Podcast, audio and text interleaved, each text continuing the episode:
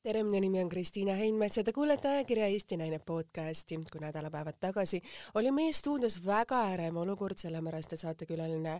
tundis hommikul, et tema laps ei tunne ennast hästi ja ta helistas tund aega enne podcasti salvestuse algust ning ta ei teadnud, mida emana teha, kas ta langetab õige otsuse, et ta tuleb podcasti või mitte. tänaseks on see hirm maandatud, tema lapsega on kõik hästi, aga see, et meie numbrid on üleval ja see, et meie emadena on see hirm, et kui me saadame oma lapsed lasteaeda või kooli, et me ei tea, millistena nad tagasi tulevad tulevad või nad võivad selle viiruse saada või kui me jalutame ise poes, on väga suur. aga täna oli ka mina emana pidin kogema sellist olukorda, et mu väikesele tütrele helistati lasteaiast ja öeldi, et palun ärge tooge oma last lasteaeda, ta ei ole käinud poolteist nädalat lasteaias, et meil on kahtlus, et rühmas võib olla haigusjuhtum ja nii nagu ikka, nagu tuhanded e emad nii Eestimaal kui üle maailma tuli tunnikesega ümber korraldada kogu oma elukorraldus, lugeda sõnad peale oma kahele e-kooli harrastavale Zoomi poisile, kellele, kellel see absoluutselt kohe ei õnnestu ning nüüd nad peavad veel kuidagi selle e-kooli kõrvalt selle tunnikese hakkama saama, kui mina olen siin, et teha tööd, teha podcasti, teha tööd, mida mina armastan ja veeta see tunnike ühe imearmsa naisega ühe väga ägeda naisega, naine, kes on minu jaoks alati olnud minu väga hea klassiõe ja südamesõbranna ja, ja nii edasi ja kelle ristiema ma olen, kelle laste ristiema ma olen. tema väikeõde kes on alati olnud selline nagu väike satelliit, kes on nagu, kelleks on alati olnud meie poolt nagu hoitud või nagu teistmoodi suhtutud. aga viimastel aastatel, kui me oleme olnud sellistel ühistel perekondlikel üritustel, ma olen mõistnud, et seesama väike satelliit on kasvanud suureks, ta on saanud, temast on saanud väga äge naine,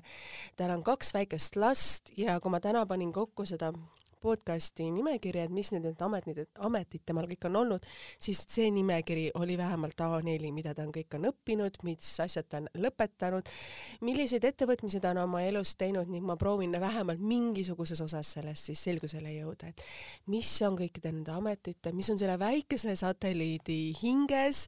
milliseks on see noor tore naisterahvas kasvanud. Ja kahekümne neljanda veebruari hommikul, kui ma viibisin tema õe juures, siis äh, tavaliselt sellise pidulikul hommikul ikkagi see hümn on see, mida, mida sa televisio-, televisioonis kuulad. Ja ikkagi see on, kas sa ümised kaasa või ütled lastele, et olge nüüd tasa, et kuulake, et siin on Eesti hümn, aga see, et keegi hakkab kõlama selge, perfektse diktsiooniga sinu kõrval laulma, nii et sul süda hakkab sees värisema nagu keegi laulaks äh, nagu, nagu päris, kuidas, see on väga raske oli kirjeldada, et su süda väriseb, kuna keegi laulab lihtsalt niivõrd hästi sinu kõrval, siis see oli seesama naine ja ma ei taha teile öelda, tema lapsed laulavad sama hästi seda Eestimaa hümni. tere tulemast, minu väike sõbranna, kes on täna saanud juba suurepäraseks naiseks. tere tulemast, Veronika Portsmut. tere, väga uhke sissejuhatus et ma alati püüan rääkida midagi sellist äh, enda kogemust selles seoses selle, seoses selle inimesega siis, midagi, mis äh, tooks nagu sinu erilisuse välja, et nagu me kõik teame, meil on alati sõbrannad isegi kui nendel on noorem õde, kes on võib-olla ainult üheksa kuud või aasta või isegi kaks aastat noorem, siis ta on alati see väike satelliit, aga mingil hetkel me adume, et ta on meie moodi, ta on meiega tegelikult ühevanune et te olete õega tegelikult väga kokku kasvanud. Ehm, sina ja sinu õde Angeelika ja sina, et teil on nagu omamoodi selles mõttes ühendus omavahel. jah, eks ta ole, et äh, samas me oleme inimestena üsna erinevad. seda et, me ka teame. jah, jah, aga eks muidugi, et äh, õde on ikkagi kõige lähedasem ja nii õpetan ma ka oma lastele, et äh, vend ja õde, et ükskõik, mis maailmas on, et teie olete teineteisele kõige lähedasemad ja teineteist tuleb hoida, et, et see on selline raudreegel, mis meie kodus käib küll ikkagi üle päeva laualt äh, läbi ja, ja õnneks mu lapsed ikkagi ka seda väga sellest äh, sellest võtta, peavad nagu kinni ja, ja see on nende jaoks nagu oluline, nii et et kaklusi on vähe, ütleme nii tegelikult emadena me ju alati, kuidas öelda, proovime meie laste elusid suunata selliselt, nagu meie elud on mõnes mõttes olnud ja kui nad saavad vanemaks, nad teevad ise oma valikut, et et ma tean, et sinu lapsed mõlemad laulavad ETV-l laste muusikastuudios. ma ei tea, kas ma nüüd selle sõna nüüd õigesti ütlesin. ja minu, minu tütar laulab ka seal, minu poeg laulis samamoodi ja sa ise alustasid ju samamoodi, kuidas öelda siis oma, millest sai ka sinule elukutse ju ETV-s laulustuudios laulmist kolmeaastasena? Jah, päris pisikselt sai alustatud seal ja, ja seetõttu saigi ETV-sse pandud. nüüd küll Kristiina viimaste uudistega pole kursis, aga et äh, Ingelmiina tõesti käib nüüd äh, kohe raadios, et oh,, et, et sea-, sinna koori ta siis võeti vastu ja käib tõsine laulude õppimine edasi ja mina ausalt öeldes ei ole tegelikult võtnud äh, suunaks, et lapsi muusikuteks kasvatada, et justkui anda neile võimalus mm -hmm. ja, mhm. ja neil on palju hobisid ja tegemisi, aga, aga tüdruk, äh, kes saab kohe kuueaastaseks, Ingel nüüd küll äh, on natukene rohkem muusikaga seotud, et alustas jaanuaris harfi õpinguid, nii et ja ta tuleb see üllatavalt hästi välja nii et selles mõttes, eks näis, mis tulevik toob. kuidas selle harfi tegemisega on, et ma olen kuulnud seda, neid jutte Angeelika kaudu, et, et see väikene viieaastane, kes on selline pisikene tüdrukukene, selline imearmsad natukene lokkis blondide juustega, tahab harfi mängida. Ega emana ja perena, kui sa ei ole just ise harfimängija, seda väikest harfi ei ole ju lihtne leida, et kuidas see käis? no eks me leidsime kõigepealt õpetaja ja üldse võtsingi arvamuse, et käisime näidistunnis ja ja õpetaja on ikkagi see, kes on A ja O, et tema arvas, et võiks äh, proovida ja tema leidis ka meile pilli, nii et, et me oleme hästi tänulikud, et neid ei ole ju palju ja meil on selline mm. väiksem harf ja keeled lähevad katki ja nüüd mul on uus spetsiifika, häälestan ja vahetan keeli, nii et see kõik on ka minu jaoks väga põnev, aga ma olen väga tänulik, sest et ma näen, et lapsel on huvi ja ja mis, mis saab nagu paremat olla, et. Äh, aga vaata, sa oskad vähemalt ise keeli vahetada, sa oskad ise seda häälestada. mina võin öelda, et mina olin selles valdkonnas eriti rumal ema ja minul poeg tahtis õppida viiulit, ta kaks aastat nõudis seda, siis ma tulin talle vastu, aga see tähendas seda, et iga kord, kui tema hakkas harjutama ja sõitsin mina autoga õpetaja juurde, kes häälestas ära, ma hoidsin seda talvel teki sees, sest temperatuur ajab ta häälest ära ja viisin selle pilli koju. nii et noh, sul jääb vähemalt see etapp ära jah, aga eks ta muidugi ole, et jällegi selline uus ja teistmoodi, teistmoodi asi, aga, aga noh. mis pi-, mis pilli oled sa ise õppinud? vot ongi, et äh, ise olen ju täitsa ainult klaveri taustaga mm -hmm. ja ülikoolis sai klarnetit mängitud veidi ja, ja eks see mm, lapsepilli valik toimus ka nii, et õelapsed ees läksid muusikakooli ja siis me hakkasime vaatama videosid, mis pillid üldse orkestris mängivad ja Ingel ikkagi väga selgelt ise otsustas, et temale meeldib harf, et seda sai nagu ikkagi väga pika perioodi vältel nagu testitud, et, et kas sa kindel, et sa ei taha viiulit või klaverit ja, ja, ja nii see pill leiti, et see ei ole mingi vägivaldne mõte, et äh, et see on ju tegelikult uskumatu, et viieaastane tütar, tüdruk ütleb, et ma tahan nüüd harfi mängida, tegelikult kust see tuleb? on jah, vot ei oskagi öelda, aga ilmselgelt on tegemist hästi ilusa kõlalise instrumendiga, et et äh, jah, tema hinge see kõnetas ja siit tulebki, et, et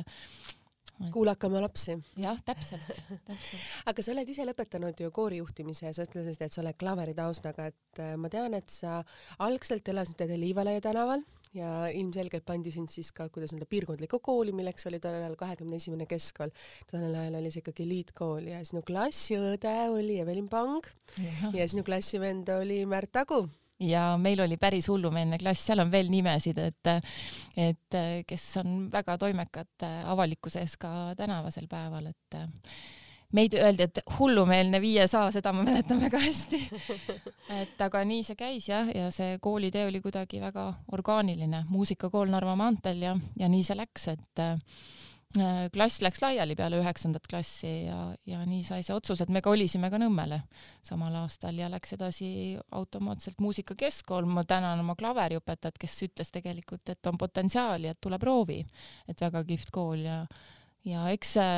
sa õppisid seal kohe koorijuhtimist, et sa ei läinud Just. ju kindlat pilli, et saada muusikuks kindla pilli erialal, vaid sa läksid kohe koorijuhtimist, et kust see idee tuli, et üheksas klass, ma vaatan oma poega, kes on viisteist, lõpetab kaheksandat, et no tema on küll nagu siiludus oma maailma mõtetes veel. no tüdrukud tahavad ju kõik lauljaks saada, eks mina tahtsin ka lauljaks saada ja klaveriõpetaja ütles, et näed, et see on koori laulmine on ka laulmine, et, et alguses õpid koorijuhtimist ja siis lähed laulmist, aga no läks nii. eks ma olen laulmist ka muidugi õppinud Otsa koolis ja igal pool, aga aga ma ütlen, et igal inimesel on ikkagi oma eluteel juhustel ikkagi suur osa, et me võime öelda küll, et me kanaliseerime oma energia teatud suunas, eks mm. ju,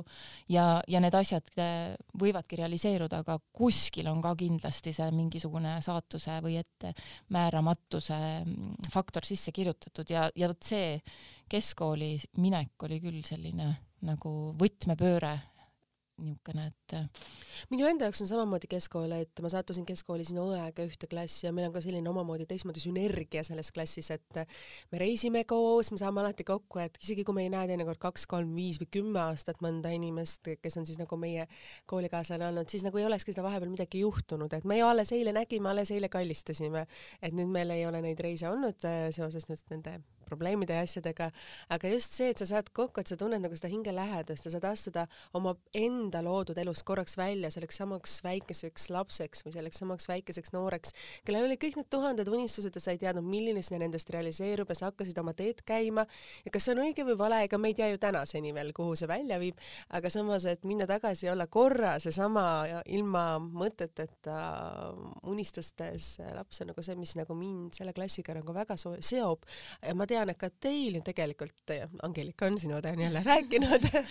kuidas öelda salainfot, et teil on selle kahekümne esimese keskkooliklassiga on ikkagi samamoodi mingi tüdrukute või oma punt, kellega te saate kokku ja kellega te samamoodi mm, kuidas öelda, mõtisklete oma elu üle ja nii, et teil on sellised ka omamoodi õhtud, et võib-olla sa räägid neist, et noh, ilmselgelt see seltskond teil on seal väga aukartust äratav ja me käime nii naistega koos kui ka siis sellise väikse poiste-tüdrukute kohtumistega küll harvemini, aga naistena me tõesti tunneme, et et jällegi, et väga eriline viisik on meil, aga ja kes need nimed on? No seal on, seal on tõesti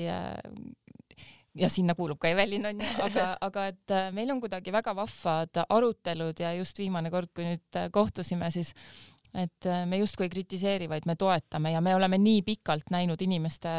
meie elusid ja, ja kuidagi see toetus on just minu arvates oluline ja hoolimata sellest, et me justkui teeme erinevaid asju ja, ja kogeme, et siis meil on mingid põhiasjad on äh, ikkagi, põhiväärtused on samad ja see on tegelikult, mis meid nagu seob. et äh, ega muidu, muidu tegelikult ei saakski, et kui palju te naistena üksteisele nagu tuge annate, sa ütlesid, et te nagu toetate üksteist, oota, mis on nagu need äh, detailid või asjad, et kui sa oled seal seltskonnas, mida sa saad, et mina ise, olles oma siis sõbrannadega, kes tunnevad mind nagu põhimõtteliselt juba mõni nendest kolmandast eluaastast saadik, et me oleme kuidagi nii kokku kasvanud, et kui sa mõtled mingit mõtet, et siis ta jätkab seda mõtet, et äh, eks ta nii umbes olegi ja teine asi see, et sa saad alati sinna kurta, et meil on oma Messengeri grupp on ju, kui kellelgi ikkagi viskab harja punaseks, et siia hästi ennast seal välja elab, siis tegelikult kõik reageerivad või proovivad kuidagi seda mõnusaks keerata. Äh, me räägime ju absoluutselt mhm. kõigest mm, -hmm. lahutustest. ei ole salu-, ei ole saladusi. ei ole nagu saladusi, et äh, lahutustest, töödest, eks ju, ilmast kuni sinnamaani, et teeme teineteisele Netflixi filmisoovitusi ja seriaale, mis meelt nagu heaks teevad, et et et äh, kas just... ei ole tegelikult vajalik asi, kui me mõtleme eriti praeguse olukorra peale, kus need lähikontaktid on nii vähedas-, nii vähe, väheldaseks jäänud või see on pigem nagu hirmutav, kui sa saad kokku, et sa hoiadki ennast nagu väikest gruppi, aga sa tead alati, et mis iganes ka ei ole, mis iganes ajahetkel või kus iganes maailmas sa ei ole, sul on alati inimesed, kellele poole sa saad pöörduda. ja, ja see on väga oluline, et ja, ja neid ei pea olema kindlasti palju, et Eh, kuna minu eriala on selline, et ma teen väga paljude inimestega koostööd, siis eh, ma väga pean justkui nagu piirama seda info hulka, mis minuni jõuab ja samamoodi ka, et kui, kui paljule infole ma reageerin või vastu, vastu nagu kuman. et aga kindlasti peavad olema need inimesed, eh, kes sind mõistavad poole sõna pealt ja, ja enda ümber paraku see nii on, et ühel hetkel sa tunned, et sinu energiaressurss on piiratud, sa pead justkui valima, kellega sa suhtled ja need inimesed, kes haaravad ikkagi sind lennult ja kes mõistavad, kellele sa ei pea ennast kogu aeg uuesti ja uuesti lahti seletama, et need on väga väärtuslikud inimesed sinu ümber ja, ja nendest inimestest ma ka kinni hoian sa pead nagu, ma olen ise mõistnud, et sa pead nagu klapid ette panema ja fokusseerima ennast nagu väga kindlatele asjadele, eriti kui su elus on palju muutusi või sa pead nagu jõudma mingisugusele arusaamale iseendas. jah, ja väga oluline eks on palju klišeed, mida käiakse ka meedias välja, et kuula iseennast ja, ja lihtsad asjad justkui nagu aitavad, et eh, need jutud on kõik head, aga kui sa seda nagu ise ei koge, et näiteks see nädalavahetus ma maal tõesti veetsingi käed mullasse, puhastasin peenraid ja, ja selline väike asi suutis mind üllatuslikult nii maha laadida, et eh, ma olen jällegi esmaspäevast nagu uus inimene, et et äh, aga sa ei oska seda ette ennustada ja kui seda pakutakse sulle, ma ei tea, Pinterestis või mingites eneseabiõpikutes, siis see ei pruugi sinu puhul toimida, aga see eeldab seda, et sa oled endaga väga heas kontaktis ja et sa suudad ennast nagu kuulata see mis on sinu jaoks just praegu see õige, mida sa vajad ja sa just. oskad ka seda ka küsida ja julged seda tegelikult ja, küsida. ja, ja see ei ole selles mõttes lihtne kogu selles mm. lärmis ja kogu selles stressis, eks ju, mis tegelikult nagu tuleb, aga aga mina olen selles mõttes super hea väljalülitaja, et minu lapsed koordineerivad minu elu ja ja, ja noh et ma tean, et see maakodu on, sa ostsid nüüd maakodu sinnasamma äh, sinnasamasse lähedale, kus on sinu õe maakodu, su õde on juba seal, kuidas öelda, aastaid juba käinud oma perega suvitamas. Ja see, mis maakodu, kus nüüd kuidas öelda siis tema suvitab, see on ju tegelikult teie lapsepõlve maakodu, mis mingil hetkel ei olnud nagu teie perekonna oma, ta on nüüd nagu tagasi teil ja sina ostsid sinna lähedale, et kas sa nagu tunned mingit lähedast kontakti, et sa jõuad teatud vanusesse, et sa tahad kuskile tagasi minna sinna, kus ähm,, mis oli sinu noorusaegades või mingisugused sellised lapsepõlve igatsused või asjad, et noh, näiteks mina olen veetnud väga palju Saaremaal ja mul on alati see, et ma pean seal Saaremaal kuidagi ära käima, et nagu vajadus sinna minna on nagu selline sisse kodeeritud, et kas sul on, kas sul on on olnud ka see, sest noh, maakodusid võib osta üle Eestimaa, kuhu iganes. just ongi, et et see ei olnud üldse, see oli teekond, et üldse sinna ja huvitaval kombel just sellisel keerulisel ajal, et mm, osta ju täna just, maakodu, hakata seda ehitama, see kuidas öelda siis ähm, kahe lapsega üksikemana, kelle eriala ei ole ju tegelikult stabiilne, vaid sa oled ikkagi vabakutseline väga, et see ei ole ju lihtne. ei olegi lihtne ja selles mõttes äh, on kindlasti minu isa on see, kes on mind palju aidanud ja aitab ka edaspidi, et suur tänu talle, aga et ähm, see on teekond olnud, ma olen kindlasti rohkem kui kümme aastat seda maakodu otsinud ja, ja, ja see, et äh, nii juhtus, see oli ikkagi täitsa niisugune saatuse käsimängus, aga kui rääkida lapsepõlvest, siis loomulikult kõik need suved on olnud hästi meeldejäävad, ma ei mäleta midagi lasteaiast eriti, ma mäletan, ma laulsin seal ja no, no niisugune pisteline mälu. aga see, mis suvel maal toimus see on väga eredalt nagu meeles. mõni eriti ere hetk, mis teil seal on toimunud, et ma, ma lihtsalt mõnda tean ma, aga ma tahaks seda kuulda nüüd, et mis on nagu sulle meelde jäänud. no seal on tegelikult nii paljusid asju olnud, et äh, kasvõi see, et sa käid nagu mingis meeletus suures piimatsisternis nagu pesemas seda seestpoolt, et see pannakse ülevalt august sind sisse, sa oled plekktünni sees või see, et sa ootad neid naabrilapsi mädamuna mängima, et nemad peavad peedipõllud ära rohima ja kui sa käid kanalas ja, ja loomulikult mul, meil oli ikkagi megavanaema, kes tegi pannkoogi ja meeletult head süüa, et noh, ikkagi unistuste lapsepõlv, eks ju. ja see loodus muidugi kõik kõik see taimestik, mis on seal Läänemaal, et et see kuidagi on hästi omane, nii et see koht, mis tegelikult äh, nüüd ikkagi lõpuks on siis äh, minu ja loodetavasti minu laste tulevane suvekodu, et äh, et see oli kohe äratundmine, see oli kohe äratundmine, nii kui mu auto nina juba seda, seda maja nägi, siis see oli äratundmine ja, ja läkski järelikult nii pidi minema, ühesõnaga. kas see on võib-olla mingil määral nüüd sinu selline tasakaalukoht, mis hoiab sind tasakaalus, sa ütlesid, et sa esimest korda nädalavahetusel panid näpud mulda, et sa oled ju tegelikult üdini linnapreili, käinud eliitkoolis, laulnud ETV selles mõttes ka ikkagi elitaarses kooris, õppinud koorijuhiks, kes hoiab seda taktikepi käes ja natukene, kuidas öelda, tavainimese jaoks liigutad käsi, et see on ikkagi nagu väga peened, väga kultuurilised, hoopis teised, kuidas öelda, valdkonna erialad, millega sa oled kogu oma elu ju siiamaani sidunud, välja arvatud siis need lapsepõlved ja nüüd maakodu? ja eks ta on pelgupaik ikkagi. ma olen väga olnud isepäine lapsepõlves ja kindlasti ka noorukis eas ja mulle meeldib ka üksi olla, et see ei ole nagu üldse teema. minu töö on suhteliselt üksildane, ettevalmistamine, justkui ennast vahtu löömine, partituuride õppimine, õppimine, harjutamine, eks ju, see kõik on üksildane tegevus, aga see annab väga palju. ja siis, kui õhtul sa-, õhtu saabub, kell kuus algab kooriproov, siis sa pead olema justkui särav äh, pääsukene, kes siis kõike seda suudab teistele inimestele edastada ja neid inspireerida. ja vot ähm, kuidas see sul välja tuleb, et mis on need nagu sinu enda nüansid, mida sa oled aastatega õppinud, et nüüd ma tean, et ma olen siin üksi ja siis ma pean minema särama, sest mina näen sind ainult säramas, ma ei ole sind kunagi üksinda näinud vot see see asi, millega sa tegeled, see peab sind kütkestama ja see, see peab olema ikkagi sinu armastus ja õnneks see nii on, et äh, mulle tohutult meeldib koori dirigeerimine, mulle meeldib koorimuusika, seal on nii palju avastada, mulle meeldivad väljakutsed, häälelised väljakutsed ja, ja ma püüan seda kõike enda lauljatele edasi anda ja neid samuti sütitada, et äh, lihtne see ei ole aga see peab toimuma armastusega, kui seda armastust ei ole, kui seal on nagu mingid muud aspektid, siis see asi läheb balansist välja ja see läheb kõik nagu lappama. et sa tegelikult ju õppisid keskkoolis juba koorijuhiks ja sa lõpetasid Eesti Teatri Muusikaakadeemia koorijuhtimise eriala doktorikraadiga lõpuks. Et see on ju tegelikult uskumatu, et sa oled nagu lapsena teadnud, et see on sinu eriala ja sa ütled täna aste praktiliselt noh, ütleme ka no, kõigest mõni aasta hiljem et see on sinu armastus, et kas ei ole tegelikult imeline, et sa oled osanud nagu nii noorena selle ära tunda, sest me paljud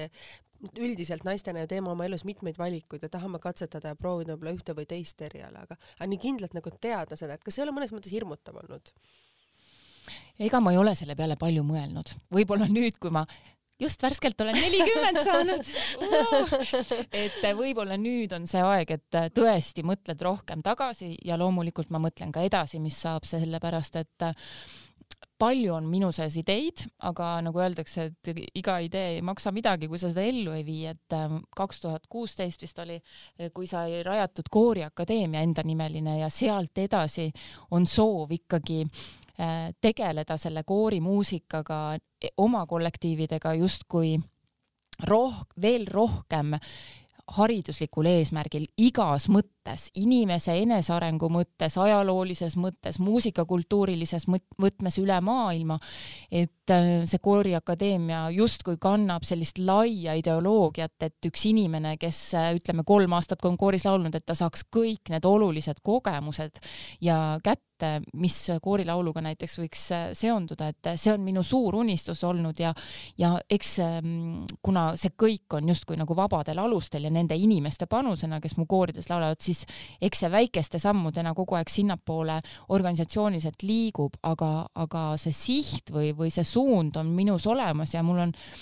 mul on küll usku sellesse, et, et see ühel päeval võiks olla selline väga väga elutäis kooriakadeemia erinevate kollektiividega, nii popkooride, noortekooride, naiskooride kui mis iganes kooridega, räpikooridega, et, et.... sa ju täiendad ennast ikkagi siiamaani, et sa oled, sul on nagu elukestev õpe jah, öeldakse, et need on justkui uhuud, kes kogu aeg õpivad, aga, aga see on äh, nagu mugavustsoonist ka välja raputamine, et ma käin Taani Kuninglikus Muusikaakadeemias, õpin innovatiivset koori dirigeerimist nii et. mis innovatiivne koori dirigeerimine siis on? eks see ikkagi on rütmimuusika põhine, rütmimuusika põhine ja ilmselgelt loom.... sinna sob-, sinna, sinna ma sobituksin, sest laulda ma ei oska jah, et äh, aga jällegi uued teadmised, uued äh, vaatenurgad, et mulle väga see meeldib, et loomulikult praegu on kõik jällegi internetis ja see on kordades raskem mulle eh, samamoodi aga.... et ma nägin, äh, viibides sinu õe juures külas, kui me koos olime, et äh, sa ütlesid samamoodi, et sul on ju kaks väikest last ja sa teed ju praegu Zoomi, läbi Zoomi kooriproovi sul on ju nelikümmend inimest võib-olla või kakskümmend inimest on seal kooris. kuidas see asi toimib? See toimib äh, nii ja naa. et ma tean, et mina hoidsin äh, neid lapsi tollel hetkel, ütlesin kus, kus kus jah, alguses oli loomulikult keeruline, aga praegu lapsed juba saavad aru ja eks elu äh, panebki asjad paika, et äh, kui lapsed saavad ühel hetkel aru, et ema teeb tööd ja selle eest me saame kommi osta ja nii edasi, et see, see nagu laabub iseenesest ja tõesti, ma, müts maha, lapsed on ikka väga tublid. Vahepeal käivad küll lehvitamas, aga eks see Zoomi töö ongi keeruline, aga ma olen otsustanud, et väga lihtne on loobuda, väga lihtne on mitte midagi teha. me ei räägi üldse siin rahalisest panusest, me räägime reaalselt koorikultuuri hoidmisest, et laulupidu ja tantsupidu on siiski UNESCO maailmapärandi nimekirjas, et äh, meil ei ole lihtsalt, et me hoiame mingisugust äh, padjaringi, eks ju, elusat vahet ei ole, kas me seda teeme, see on midagi suuremat, midagi olulisemat maailma mastaabis ja ja lihtsalt ütleme aegade kiuste läbi väga keerulise tegemise ja ka uute nõksude leidmise ma siiski leian, et see regulaarne aeg iga nädal oma kooridega internetis kohtuda on oluline ja me reaalselt õpimegi seal partiisid, me õpime seda lauluviit, mida iga häälerühm laulab. Ja me hoiame sihte, meil on eesmärgid, eks ju, millal siis need realiseeruvad, seda, see selgub, eks jooksvalt, aga. sa oled ikkagi vabakutseline ja koorijuhi amet ei ole ju väga kõrgepalgaline, et kuidas sa nagu ise hakkama saad, et sa oled ju täna kahe lapse üksikema kuidas see nagu reaalsus sul on ja sa ehitad suvekodu, sul on elamised, sul on kodu, et see on ikkagi väga keeruline, et sa ütled, et sa pead kõike seda, sa teed seda omast suurest armastusest selle koori vastu, aga sa pead ka arveid maksma, et kuidas sa nagu seda suudad balansis hoida? mind on selles mõttes ikkagi äh, hoitud ja minu koorid hoiavad ja, ja meil on ühine arusaam sellest ja ma olen äärmiselt tänulik, et äh, et nemad väärtustavad seda, nad väärtustavad, et peale seda äh, tornaadot, mis üle maailma praegu käib veel. praegu käib, aga et ühel hetkel saab otsa, et neil oleks kuskile tagasi tulla laulda ja nad panustavad sellesse, nii et ja loomulikult riiklikult nüüd ikkagi rakendub see koorijuhi toetusmeede, äh, millel on kindlasti väga suur äh, roll selleks, et koorid jääksid püsima et ähm, praegune aeg on väga-väga habras ja väga-väga hõre, nii et äh, ma hoian tõesti pöidlaid, et kui see ükskord läbi on, et meil ikkagi laulupidu toimub ja inimesed naasevad selle laulmise juurde, et Öeldakse küll, et laulmine võtab nagu muret ära, aga laulab ka ikkagi rõõmus inimene, eks ju. ja kui sul on nii palju muret, siis äh, paraku see laulukoor võib-olla ei ole see esimene prioriteet, eks ju mm. -hmm. et täpselt, et äh, täna on ju mure see, et äh, lapsed oleksid terved, et ma ise oleksin terved, et ma suudaksin oma arved ära maksta, et see on ju need eluliselt kõige lihtsamad asjad on täna kõikide jaoks kõige tähtsamad. see, et kas ma saan reisida või see, kas ma saan oma vanemale või vanaisale külla minna, et see on juba kahjuks kaugem unistus lootus juba. jah, ja nii ta on, aga, aga minul on lootus, minul on lootus ja, ja loomulikult seesama asi, et loodus annab meile väga palju energiat, et seesama päike, et lihtsalt mõeldagi ennast, et ma armastan ühte lauset. täna on nii,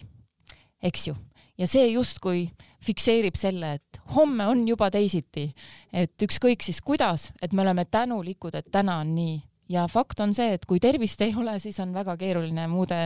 asjadega üldse tegeleda, nii et äh, ma arvan, et see, et hoida oma tervist ja, ja püüda sellest viirusest omal moel jagu saada, on ikkagi see põhieesmärk praegu. laulu- ja tantsupidu on midagi sellist, mis on ju tegelikult unistus, mida meie eestlastena oleme ainult kogenud, kui inimesed tulevad, inimesed, välismaalased, kes on seda kõrvalt vaadanud, ei saa võib-olla mõnes mõttes aru sellest, et ma ei ole ise osalenud küll tant-, tantsupeol, kuigi olles võistlustantsijana, siis sa ei viildunud selle rahvatantsuga, aga ma olen neid vaadanud väga palju, sest tants on mul endal ka südames ja mul on õnnestunud siis laulda, kuigi ma laulda ei oska absoluutselt, kuidagi sattunud koos sõbrannadega siis kooli äh, laulukoori ja meil on olnud sellised fantastilised õpetajad, kelle, kes on siis olnud nii entusiastlikud ja need lihtsad Lasnamäe koolid saatnud sinna, mm, kuidas öelda, proovidesse või konkurssidele ja me oleme läbi saanud, mina siis kuidagi oma sõbrannadega koos ja mul on olnud au olla kaks korda selle laulukoori,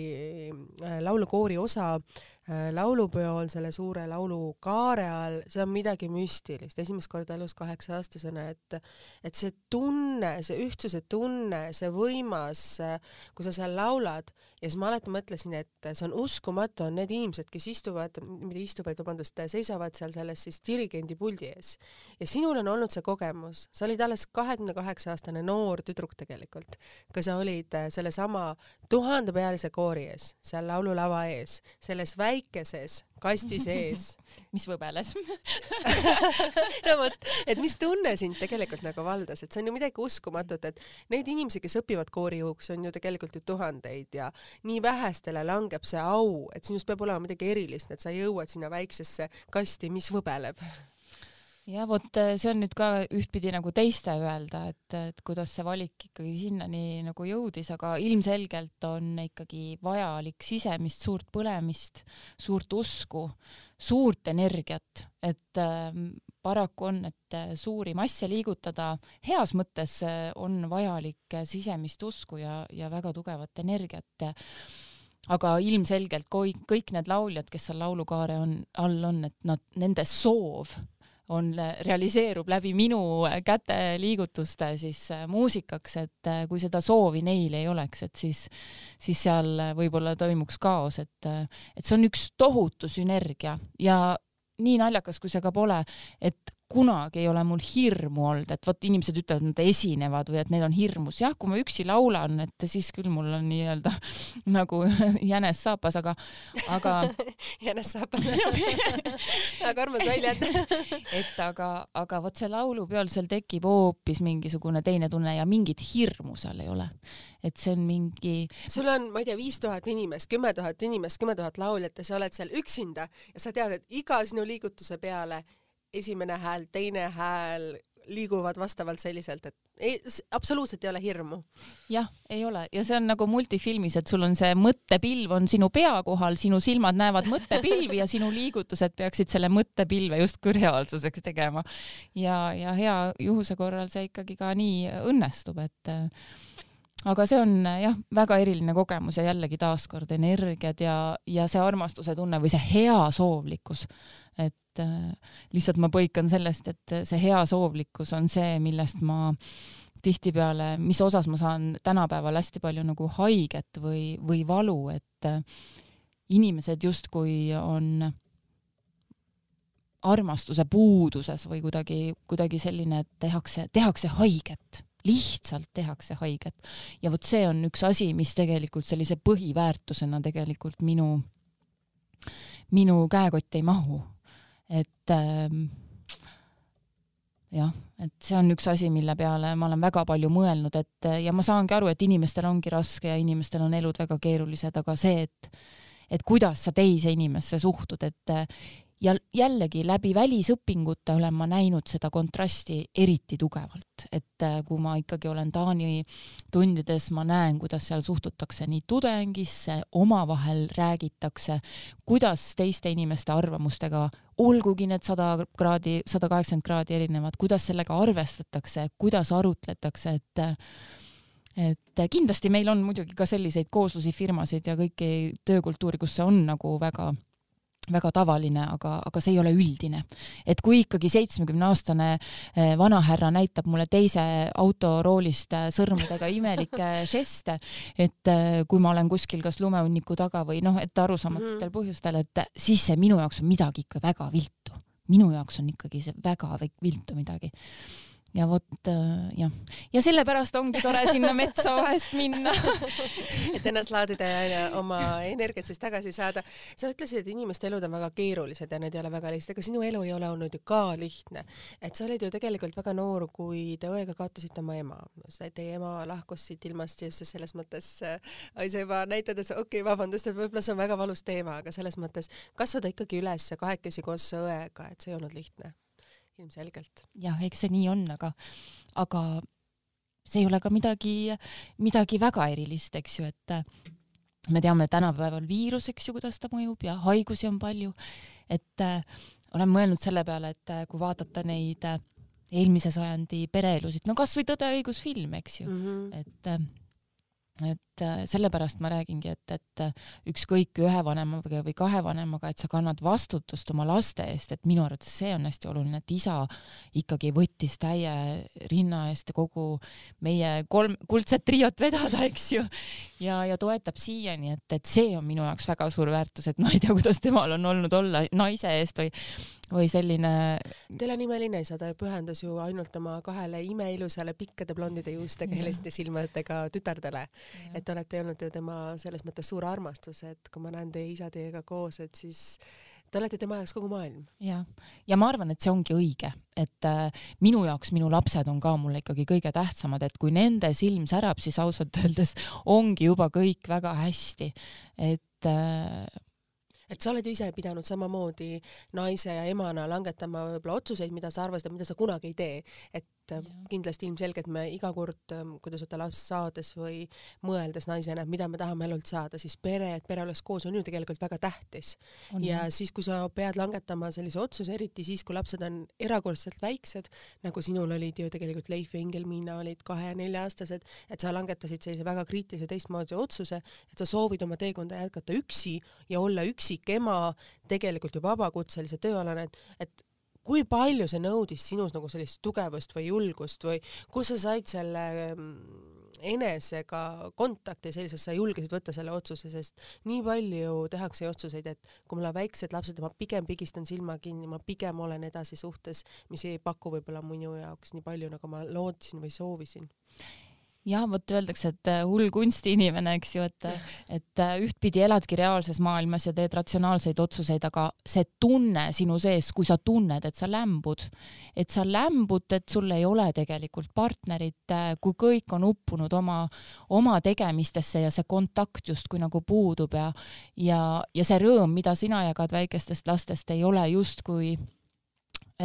mul ei ole seda nagu kellegiga jagada, et, et need otsused ongi nagu väga keerulised, aga vot ongi, mõned naised taluvad rohkem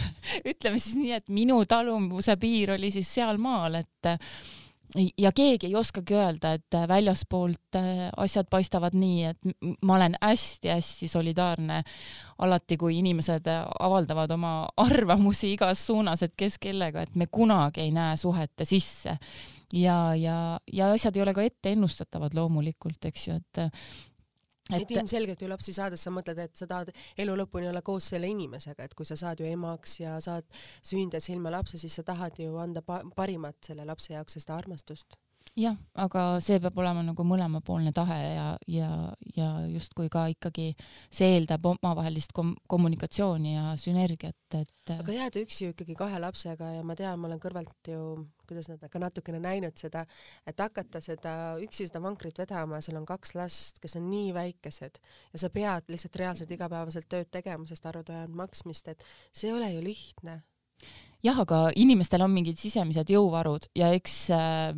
nii-öeldakse automaatrežiim läheb peale. sul sa... oli see automaatrežiim? ma arvan küll, jah. paar aastat vist? jah, ma arvan, et tänaseks päevaks, eks ju, ma tajun seda hoopis teistmoodi ja, ja tänasel päeval ma vaatangi tagasi, et täitsa hullumeelsed ajad,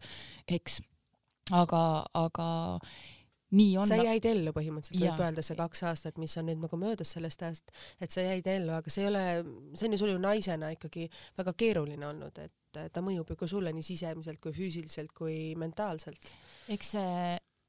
ütleme nii, et lahu, lahkuminek ei ole mul tund ära viinud, et uni on tõesti olnud minu väga suur pääste, et ja teisalt, et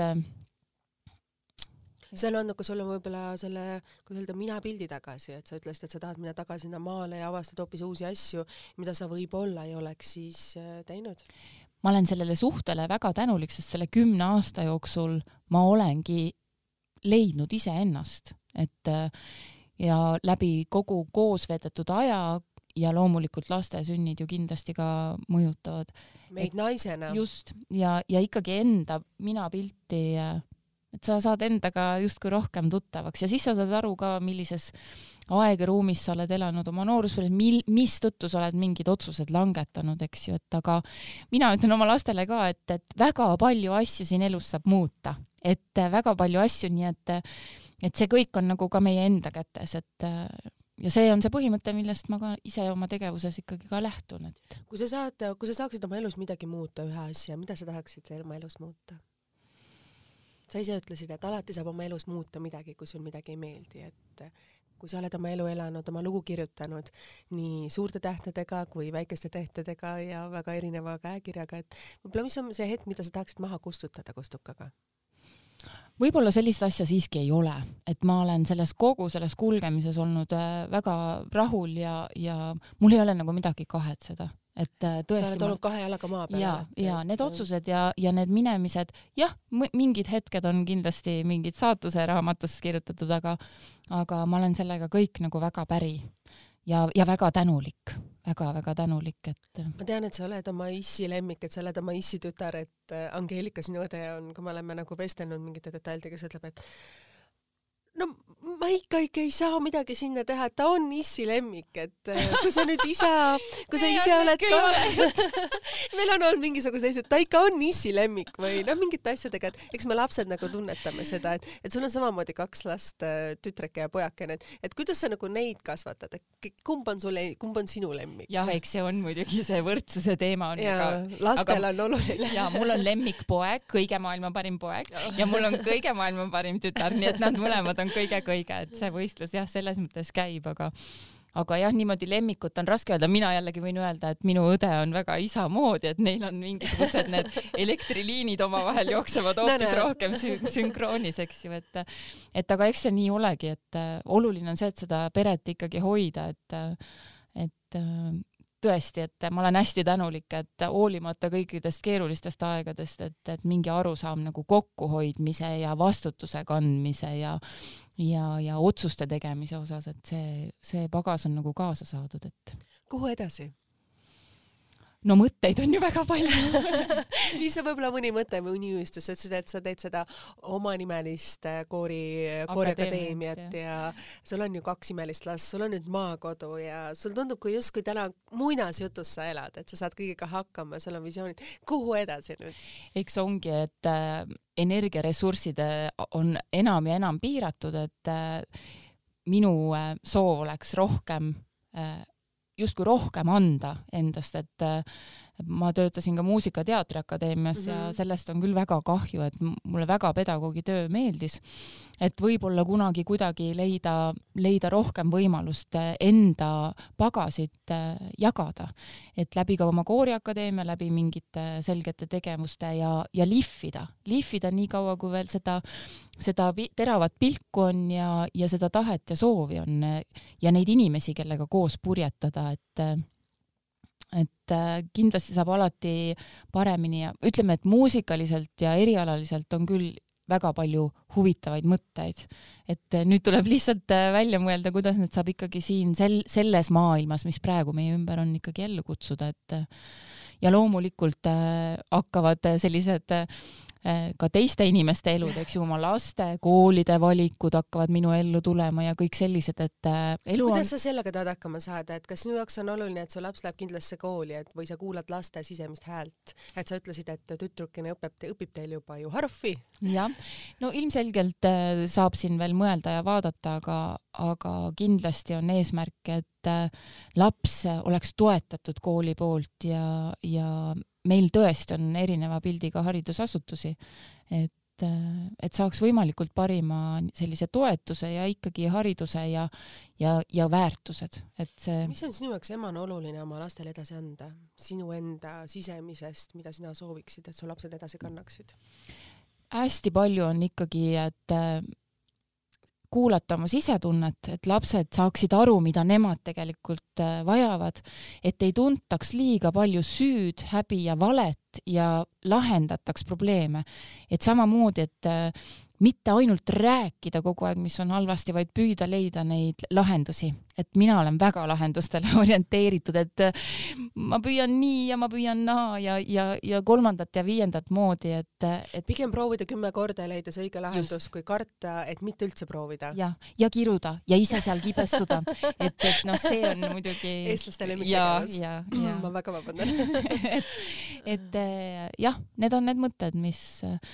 et elada suurelt ja näha maailma suurelt ja õpetada seda lastele, et, et ei ole ainult ühte teed, ei ole ainult ühte valikut, et alati saab ju teha lahti teise ukse ja minna mööda teist teed, et. ja headus, ikkagi uskuda sellesse muinasjuttu, et headus ikkagi võidab. et kui sa ikkagi usud seda halba, siis on väga raske isegi siin kibedas maailmas mõnikord eksisteerida, et uskuda sellesse, et on headus ja väiksed teod saavad ikkagi äh, aluseks muutustele, et mina alustasin jaanuarikuus näiteks prügi sorteerimist ja mina varem ei sorteerinud, mul olid väiksed lapsed, mul, ma nimetan seda beebipaketti, et kõike prügi viisin kokku. et äh, kasvõi väikene, väikene tegu, eks ju, et kuidagi, kuigi on jälle igasuguseid arvamusi, et äh, et me saame ka oma elu muuta ju paremaks väikeste asjadega, kasvõi ma võin öelda, et mina olen see nädal aega tundnud ennast imeliselt äh, alates esimesest märtsist, sellepärast et äh, päike paistab. meil oli ju jaanuaris neliteist koma kuus tundi päikesepaistet üldse kokku ja ma arvan, see neliteist koma kuus tundi on meil juba kahe päevaga siin märtsikuus käes, nii et nagu see nagu hea tunne, et seal päike paistab, kuidagi usk ja lootus on ainult sellest ühest väikesest äh, särast siin ilmas ju tegelikult. jah, praegu on vahva, ma ise mõtlesin, et see päike toob toob kõik selle mustuse meist endist justkui välja, kiirgab ja tuul viib selle mõnusalt minema, nii et meil saab siin kevadel ka sisemine vaimne suur puhastus toimuda, et. see on väga ilusasti sõnadesse pandud, mida sa praegu ütlesid, sest tegelikult on, et egagi see pime talv jätab meisse kõigisse jälje ja seda reisimist ei ole ju kindlasti kordades olnud, et ka teinekord sügisel või kui on võimalus, siis on võimalik seda teha. ja aga no ikkagi see väga pime talv, küll oli ilusaid ilmasid, muinasjutuilmasid, aga ikkagi see nagu sündsus ja pidev see hirm selles, et kuidas edasi, et see oli ikkagi päris väga suur. aga ma arvan, et meil on nüüd aeg võtta võib-olla oma saade kokku, me juba läheme väga sellistesse mitte ilusatesse teemadesse, aga me lõpetaksime võib-olla nende sõnadega, et et äh, rohkem headust meie südamesse, päike meil paistab. Ja kui me suudaksime ka vaadata iseendasse ja mõelda ainult häid mõtteid ja näha igas päevas, nagu kunagi üks minu saatekülaline ütles, et minu viie reegel, et igaks õhtuks leida igas päevas viis asja, mis meil läks hästi ja enne magamaminekut nende peale mõelda, siis meil on iga järgmine päeval äh, ilusam, iga järgmine hommik üles ärgata veel parem enesetunne. nii et võib-olla see on midagi, mille peale me võiksime mõelda. rohkem headust, rohkem üksteise mõistmist. aitäh, Veronika, et sa tulid. aitäh, Kristiina, kutsumast, väga tore aeg oli et selline mm, väikesest tõest on saanud suur õde ja just nagu sa mainisid ka hetk tagasi sellest, et sa said nelikümmend, et, et et ähm, kui me rääkisime viimane kord, siis mõtlesin, et aga sa oledki saanud suureks et kuidagi sinnamaani sa olid kuidagi nagu väike, väike, väike, et mingil hetkel, kui me adume äh, teatud detailides sellistes ebareaalsetes situatsioonides, et me olemegi nagu kuidagi ühtemoodi või saanud suureks, et et see on nagu jah, teistmoodi. aga veel kord aitäh teile, kuulajad, et olite selle saate meiega, kahe naisega meie mõtetes, meie lihtsates, lihtsas olemuses, meie lihtsates äh, natukene headust üksteise vastu ja saade on kuulatav meil nagu ikka Delfi taskukeskkonnas, Spotify's ja SoundCloudis. aitäh teile, kallid vaatajad ja loodame, et see päike paistab meil veel järgmine nädal aega. kõike head!